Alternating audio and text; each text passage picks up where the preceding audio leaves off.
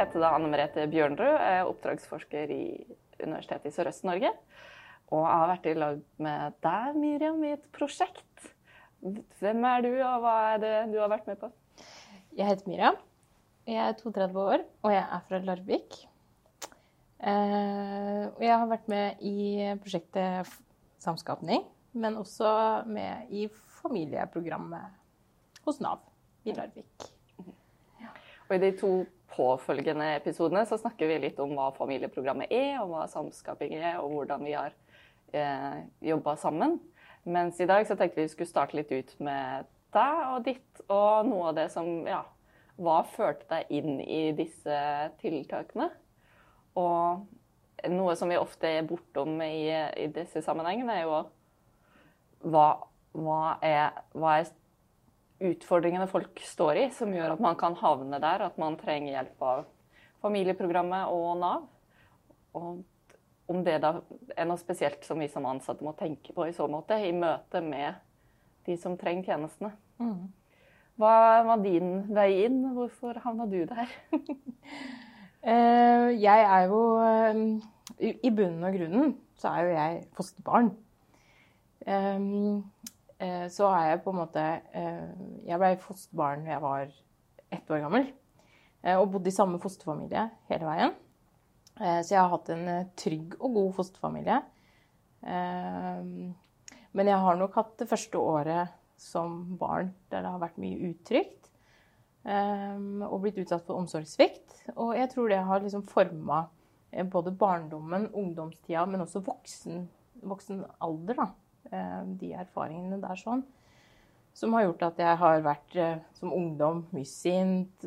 Liksom, eh, hatt Slitt med å tilpasse meg, finne venner. Kanskje vært litt sånn ekstrem og eh, litt intens. Ja, vært rampete og tatt dårlige valg. Mm. Og vært mye usikker og lav selvtillit. Jeg tror det er en sånn medfødt, eller kanskje ikke medfødt sårbarhet, men en påført sårbarhet. Mm.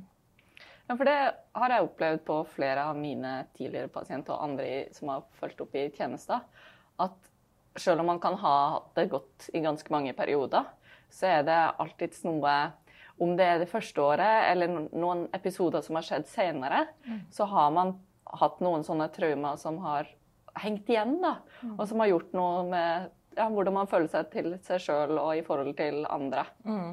Mm, som du eksemplifiserer her, da, for din del. Ja. ja. og så er det jo I voksen alder så har jeg jo da hatt, eh, hatt noen år som jeg har slitt veldig. Eh, før jeg klarte å liksom komme meg på beina og komme meg på banen igjen. Eh, vi har jo snakka om det noen ganger før. Mm. Uh, jeg har jo tre barn. Eh, og levde sammen med da mannen min i ti år. Eh, de, på de ti åra så hadde jeg jo mye sånn Jeg hadde mye følelsen av at jeg ikke strakk til. Mm. Eh, følte meg litt sånn trengt oppi et hjørne. Jeg hadde ikke så, følte at jeg ikke hadde så mye frihet og var på en måte litt fanga i den husmorsrollen. Um, så jeg valgte jo etter hvert å jobbe eh, veldig, veldig mye. Og så ble jeg vekter. Og var skikkelig, skikkelig flink i jobben min. Mm. Eh, og da gikk jeg liksom fra husmor til uh, ut på brygga i Tønsberg med stikksikker vest og uniform og lommeløkt og, og, radio i lomma, og var liksom dronninga på, uh, på brygga kasta ut svære mannfolk og liksom Ja. Så der var jeg sånn selvsikker, og det ga meg masse, masse, masse energi. Eh, samtidig så var jeg også, jobba jeg som helsefagarbeider, men bare som eh, vikar. Så jeg jobba jo mye natt som vikar som helsefagarbeider. Eh, vi hadde jo veldig, veldig dårlig økonomi i veldig mange år. Som også var mye roten til mye krangling og mye vondt. Og det er klart det med tre barn og dårlig økonomi og en som jobber støtt og trutt hele tida, så eh, blei dette her ganske giftig etter hvert. Eh, og det var ingen av oss som hadde det noe bra. Barna hadde det ikke noe bra. Vi voksne krangla hele tiden. Han jeg var sammen med da, han hadde det ikke bra, og jeg hadde det absolutt ikke bra. Eh, så endte det jo opp med at jeg Altså, jeg jobba så mye jeg kunne. Og jeg hadde dårlig samvittighet for at ikke jeg var hjemme. Men for å på en måte døyve den dårlige samvittigheten, da, så jobba jeg liksom bare enda mer. Mm. Og når jeg først var hjemme, så var det bare krangling. Og da jobba jeg jo enda mer. Mm. Og når jeg ikke jobba, så drakk jeg en del. Fordi da var det på en måte Det var vondt å være hjemme. Eh, og jeg følte vel sjøl det at eh, jeg- var så sliten fysisk, men også psykisk. Og at uh, tålmodigheten når jeg tok et glass vin eller to på kvelden, den blei liksom Den blei litt høyere, da. Um, og så ble jeg utsatt for et overgrep i 2018. Som på en måte var liksom toppen av isberget. Mm. Eh, da følte jeg jo Hadde jeg gått lenge og følt at alt var håpløst. At jeg var til bry. Jeg strakk ikke til. Jeg var ikke noe god mor for barna mine. Jeg var ikke noe god kone. Jeg holdt ikke hjemmet mitt i orden. Og jeg var ikke noe god datter for mamma og pappa heller. Fordi at jeg, jeg jo hele tida om eh, Og på en måte prøvde å skjule alle problemene. Ehm, så da, på vårparten i 2019, så valgte jeg å prøve å ta livet mitt. Mm. For da var det såpass mørkt at da tenkte jeg at da kommer de Ja, de andre har det liksom kanskje litt bedre uten meg, da jeg er bare til bry. Mm. Det er liksom et irritasjonsmoment. Mm. Så da toppa det hele seg, det ene og det andre og det tredje oppå hverandre. Ja. Og for din del så, så du det som den beste utveien, liksom? ja. Det var den eneste utveien. Ja. Eh, det var nok også sikkert et lite rop om hjelp. Ja. Jeg visste jo vi trengte hjelp. Jeg hadde jo visst det i veldig mange år. Mm. Um, men så er det noe med det når man er to stykker som lever sammen, så må man på en måte Ja, det er veldig vanskelig å kunne prøve å be om hjelp aleine. Mm. Så, sånn som jeg sitter nå i dag, så skulle jeg nok kanskje vært litt mer åpen og ærlig Mm. sånn i begynnelsen. Eh, fordi når jeg våkna eh, Heldigvis så Jeg prøvde å henge meg i trappa.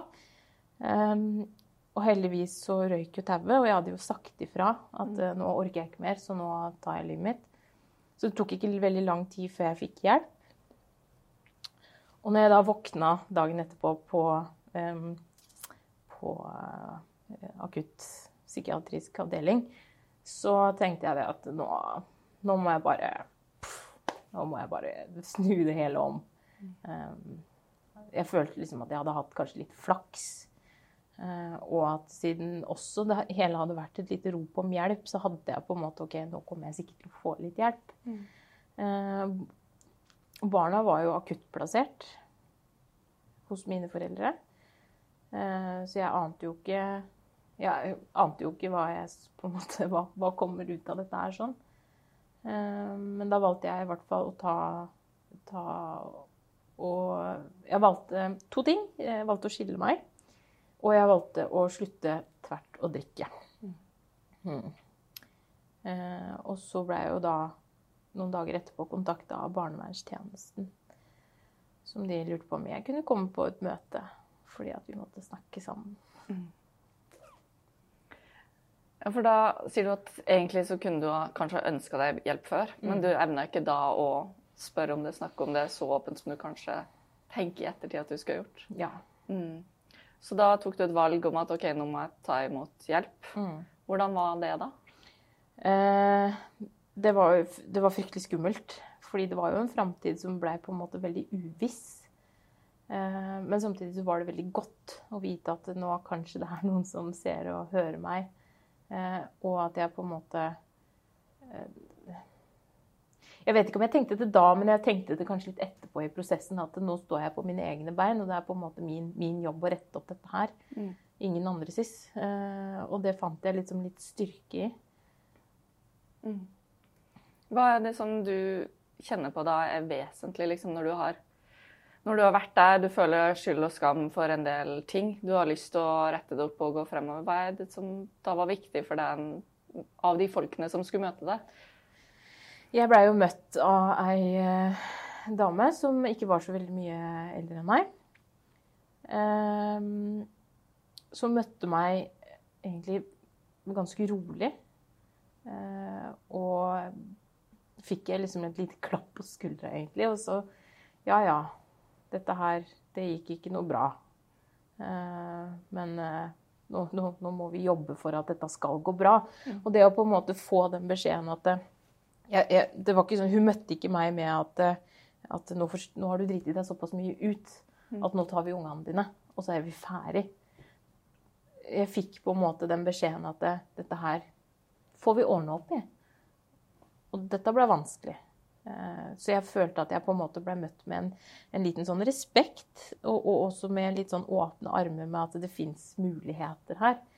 Eh, og når jeg da sjøl liksom var klar for å egentlig eh, ta en mulighet, så ja, man blir jo litt mer sånn OK, men da, da vil jeg Når du sier at det er mulighet, så vil jeg jo gripe den muligheten, da. Mm. Du sa jo i stad at du jobba som vekter. Da følte du deg stor og stolt og trygg med den vesten på. Ja. Men med den erfaringa du har, da, og hvordan du ble møtt når du hadde det dritt, hvordan har du brukt det videre som vekter i møte med folk som har det dritt ute på byen? Eh, jeg møter jo alle mennesker med respekt. Det det jeg jo, gjorde jeg jo før jeg ble sjuk, og jeg gjør det jo den dag i dag også. tenker jo det at alle, de fleste, egentlig alle sammen, trenger en ny, eh, ny sjanse. Og måten jeg jobba på når jeg sto i døra eh, tenkte Jeg er ganske liten, jeg er bare 1,50 høy. Så kommer det da en eh, ravende full mann på to meter og er kjempesint. Og her skal jeg inn. Og så blir jeg på en måte litt sånn at Men hei, du. Nå ser jeg, jeg ser jo at du ikke har det bra. Hva i alle dager er Hva har skjedd? Mm. Eh, og så la på en måte folk fordi Folk blir litt sånn sjokkert. Fordi at de forventer å møte et maktmenneske i døra. Her, der står du, du står med skilt, og du står med makta til å ikke slippe meg inn. og du, ikke sant? Eh, og istedenfor å møte med en bråstopp, at App, her kommer du ikke inn, så blir du på en måte møtt med at Oi, nå ser jeg deg. Eh, og det har jeg på jeg, jeg, tror det at jeg har unngått mye, mange situasjoner med å bare møte folk der de egentlig er da. Mm. Uansett i hvilken tilstand de er i. Og det er jo sånn jeg også føler sjøl at jeg har blitt møtt i etterkant. Og også som jeg kommer til å ta med meg videre og fortsette med. Mm. Mm. Så det å evne å møte folk på tross av at de oppfører seg litt kjipt akkurat da, og evne å være såpass jeg vet ikke, voksen på en måte, og skjønne at ok, det er sikkert en grunn til at du er litt sint og litt fæl akkurat nå. Hvordan kan vi hjelpe deg videre på tross av hva du nå enn fælt har gjort? da? Ja. ja. For jeg, altså, det var jo sånn, jeg var jo egentlig, jeg hadde jo alle verktøyene i boksen med meg som mamma. Jeg hadde jo gått KOS-kurs, og jeg hadde jo gått masse, masse kurs. Eh, så jeg visste jo hvordan jeg skulle være mamma. Mm. Eh, jeg bare hadde ikke Jeg hadde ikke troa nok på meg sjøl. Eh, og etter hvert sånn når vi begynte med jobben innafor barnevernstjenesten, så jeg med, fikk jeg lov å være med i et prosjekt Eh, der jeg egentlig har fått lov til å finne, bruke de verktøyene jeg har, og finne svaret sjøl. Og så er det ingen som på en måte har stått over meg og sagt du skal gjøre sånn, du skal gjøre sånn, du skal gjøre sånn.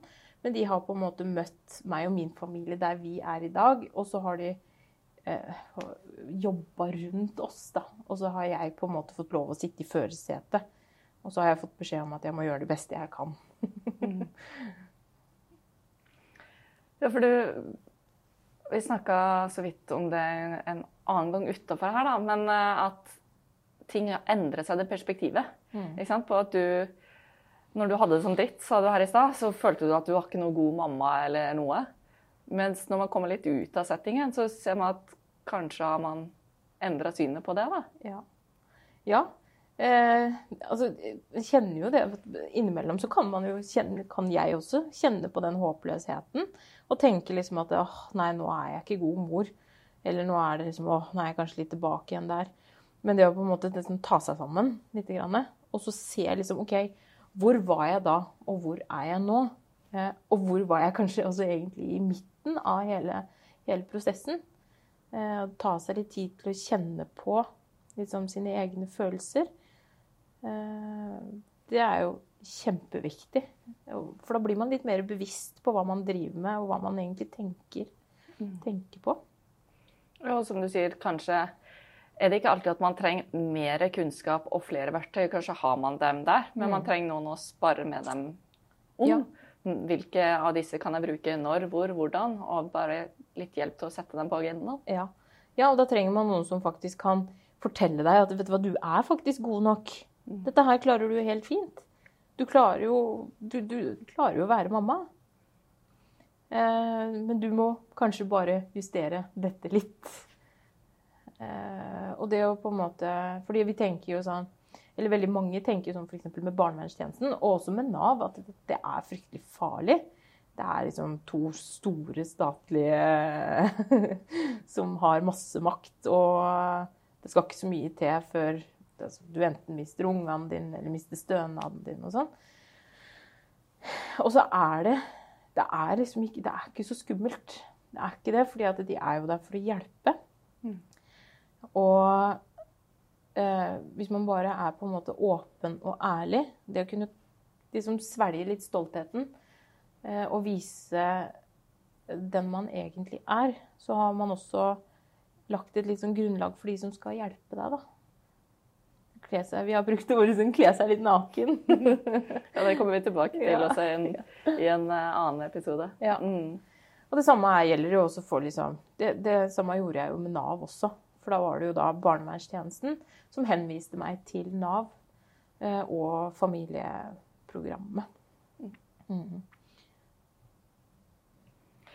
Har, på en av samlingene vi hadde, så snakka vi litt om altså, hvordan det kan oppleves. da. Altså den, I hvert fall én artikkel som jeg har lest, da, har jo sammenligna at det å gjøre en feil som ansatt i helsevesenet, og skulle tørre å komme tilbake igjen på jobb etter man har gjort den feilen, og det å ha vært utsatt for en traume og skulle fortsette i livet, altså om man har ja, vært utfor alkohol eller andre ting.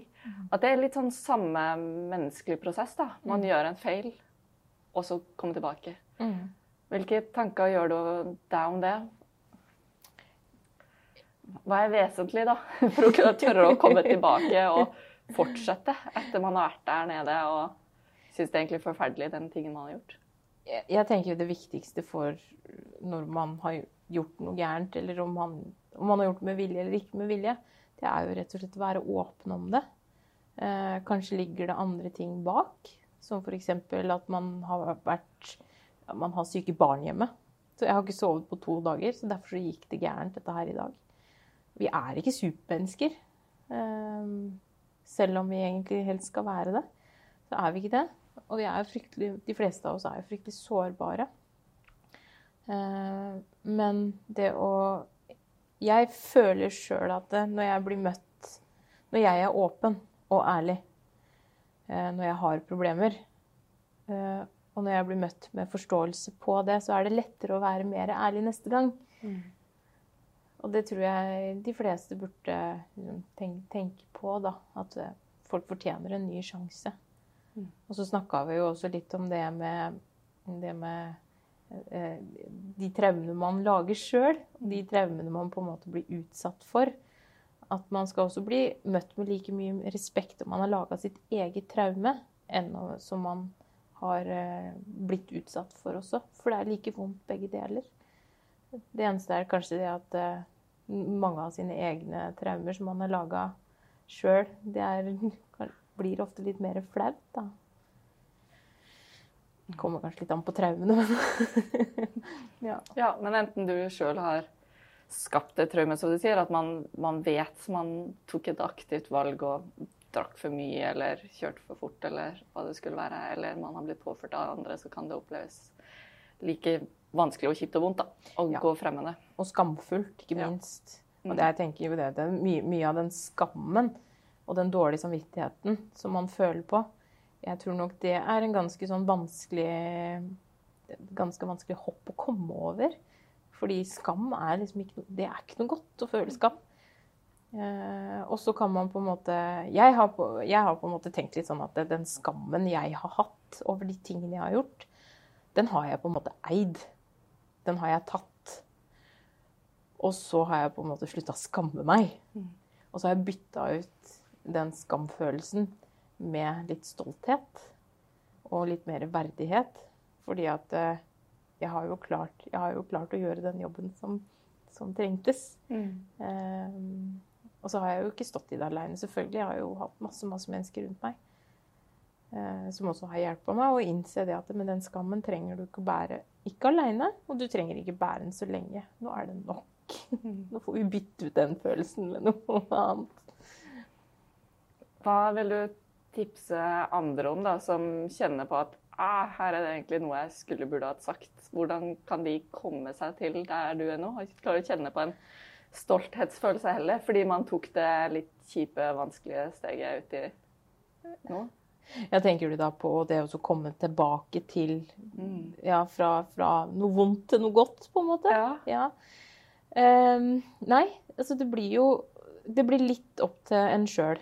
Og så er det jo eh, litt opp til de menneskene man møter rundt også. Eh, jeg satt eh, sammen med ei venninne og snakka om eh, alle disse tinga her sånn for ikke så lenge siden. Og vi brukte, eller jeg brukte ordet mye flaks. Jeg hadde flaks, jeg hadde flaks, jeg hadde flaks. Eh, så møtte den personen, og jeg hadde flaks og møtte den personen. Men så tenker jeg jo det at hvis jeg hadde hadde kommet dit og vært fiendtlig og sur og negativ fordi at jeg hadde vært redd og skamma meg skikkelig, så hadde nok ikke utfallet blitt så bra som det det har vært. Eh, så det å, Og det, er, det er ingenting som er håpløst. Det er alle problemer kan fikses. Eh, man må bare være åpen for litt alternative metoder. Og også det å på en måte legge seg litt flat når man har gjort noe gærent. Um, ja. Mm. Ja, så det å ja. Det å tørre. Tørre. Ja, rett og slett. Det å tørre. Det er viktig å liksom tørre. Tørre. Ja. ja. Og som du sa, man Jeg, hørte, jeg syns i hvert fall jeg hørte du sa, så det også at man må De som tar imot, da må evne å ta det imot på en god måte, sånn at man tør. Mm, ja. eh, altså En ting er at man sjøl må passe på at man ikke går i forsvar, men også at de andre tar det aktivt imot og skjønner at det er faktisk litt modig gjort mm. å tørre å si dette ja. nå. Og så er vi jo alle sammen mennesker uansett hva vi, hva vi har gjort eller hva vi har opplevd. Mm. Eh, om du, du, man er jo ikke nødvendigvis noe dårlig menneske selv om man har fått et alkoholproblem eller, ja, eller om man har vært utsatt for noe eller om man har laga noe sjøl. Mm. Mm. Vi er alle mennesker. Ja, vi er alle mennesker. det er vi. Og så lever vi jo for så vidt i en sånn Vi lever jo i en verden nå som ting skal være så fint og flott. Mm. Eh, og derfor, jeg tror det er fryktelig slitsomt å være voksen og være barn. Eh, og det sitter nok jeg, jeg vet jo hvordan det er sjøl å på en måte prøve å skape et perfekt ytre. Og så er det indre bare sånn totalt kaos. Mm. Uh, men det å tenke at man ikke Altså hit, men ikke lenger. Hvis vi lar det gå lenger nå, så går det faktisk enda verre enn det det kan gå. Å stoppe det lite grann. Mm. Uh, syns jeg Det er jo viktig. Og en ting som jeg syns dere i gruppa var veldig gode på, som jeg tenker mange kan lære av, det er jo at når vi var i den gruppa, så var det jo en samling med mødre som hadde litt utfordring med økonomi. Mm. Og en ting jeg syns dere var helt fantastisk på, var jo på en måte OK, men hva er det vi kan gi da, mm. til våre barn? Mm. Og dere snakka en god del der om verdier. Mm. Og det å lære ungene betydningen av det å ha folk rundt seg. Mm. Om å skape noe bra på tross av. Mm. Og det ja, i hvert fall er beundringsverdig av hvordan dere evna å skape så mye bra opplevelser for barna på tross av den situasjonen dere sto i. Ja, ja altså det er jo, skal man drive og fly i badeland uh, hver eneste helg fordi at det, det, er, det, er, jo gøy for ungene, så det er jo sånn man kan gjøre innimellom. Men, men bare det å gå i skauen og tenne bål og spise pølser og drikke kakao, ungene får spikka pinner sjøl altså de husker det litt bedre enn en eh, sydenturer og, sånn ofte, har jeg hørt. da. Mine unger er veldig glad i å ut og gå på tur. Eh, men også liksom skape disse Vi er jo da Vi snakka jo mye om dette med gjenbruk og det å kjøpe mat i 50% kassa. Eh, som vi brukte den yoghurten som vi sender med ungene på skolen. Når vi kjøper liksom yoghurt på 50% så peller vi av den lappen. Sånn at ikke noen skal se at vi har kjøpt mat på tilbud. For det var en sånn skam, en sånn skambelagt følelse over det. Eh, det tror jeg vi alle sammen har slutta med. jeg peller ikke av den lappen lenger. Så bra. Vi er, vi er alle mennesker, og det er godt å kunne reise seg hvis man har gjort noe gærent. Ja. Og tørre å stå for at det, sånn er livet. Vi Ja. møter på noen utfordringer. ja. Og så er det alltid hjelp der ute å få. Det er bare å på en måte komme dit at man tør å ta den telefonen. Mm. Og så ikke gi opp. Ikke gi opp. Hvis det ene mennesket ikke kan hjelpe deg, så gå til neste. Ja. Ja. Du er verdt det. ja.